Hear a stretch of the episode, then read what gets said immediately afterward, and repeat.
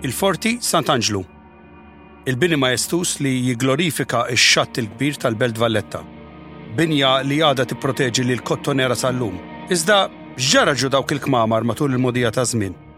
U jingħad li wara ħajt Fil-palazz tal-fortizza li jinsab fin-naħa ta' fuq kienu nstabu tliet skeletri. Forsi għalhekk xi sajjieda rraportaw twerżiq stramb meta jaqsmu il-porti kbir fis-Sepp. U għala ħafna preżenzi mistiċi waqt restawr ta' dar f'Bormla. Kont hawnhekk billejl, fid-daqqa u l-ħin hekk nara kemm figura ta' mara, tfajla ġifieri, u ġuvni iktar viċin fejn kont qed naħdem jien.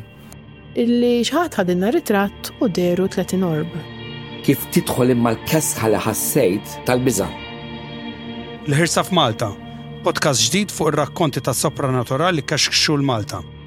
Produzzjoni u preżentazzjoni tiegħi, Ramon Mizzi, u ppubblikat mill-SBS Malti.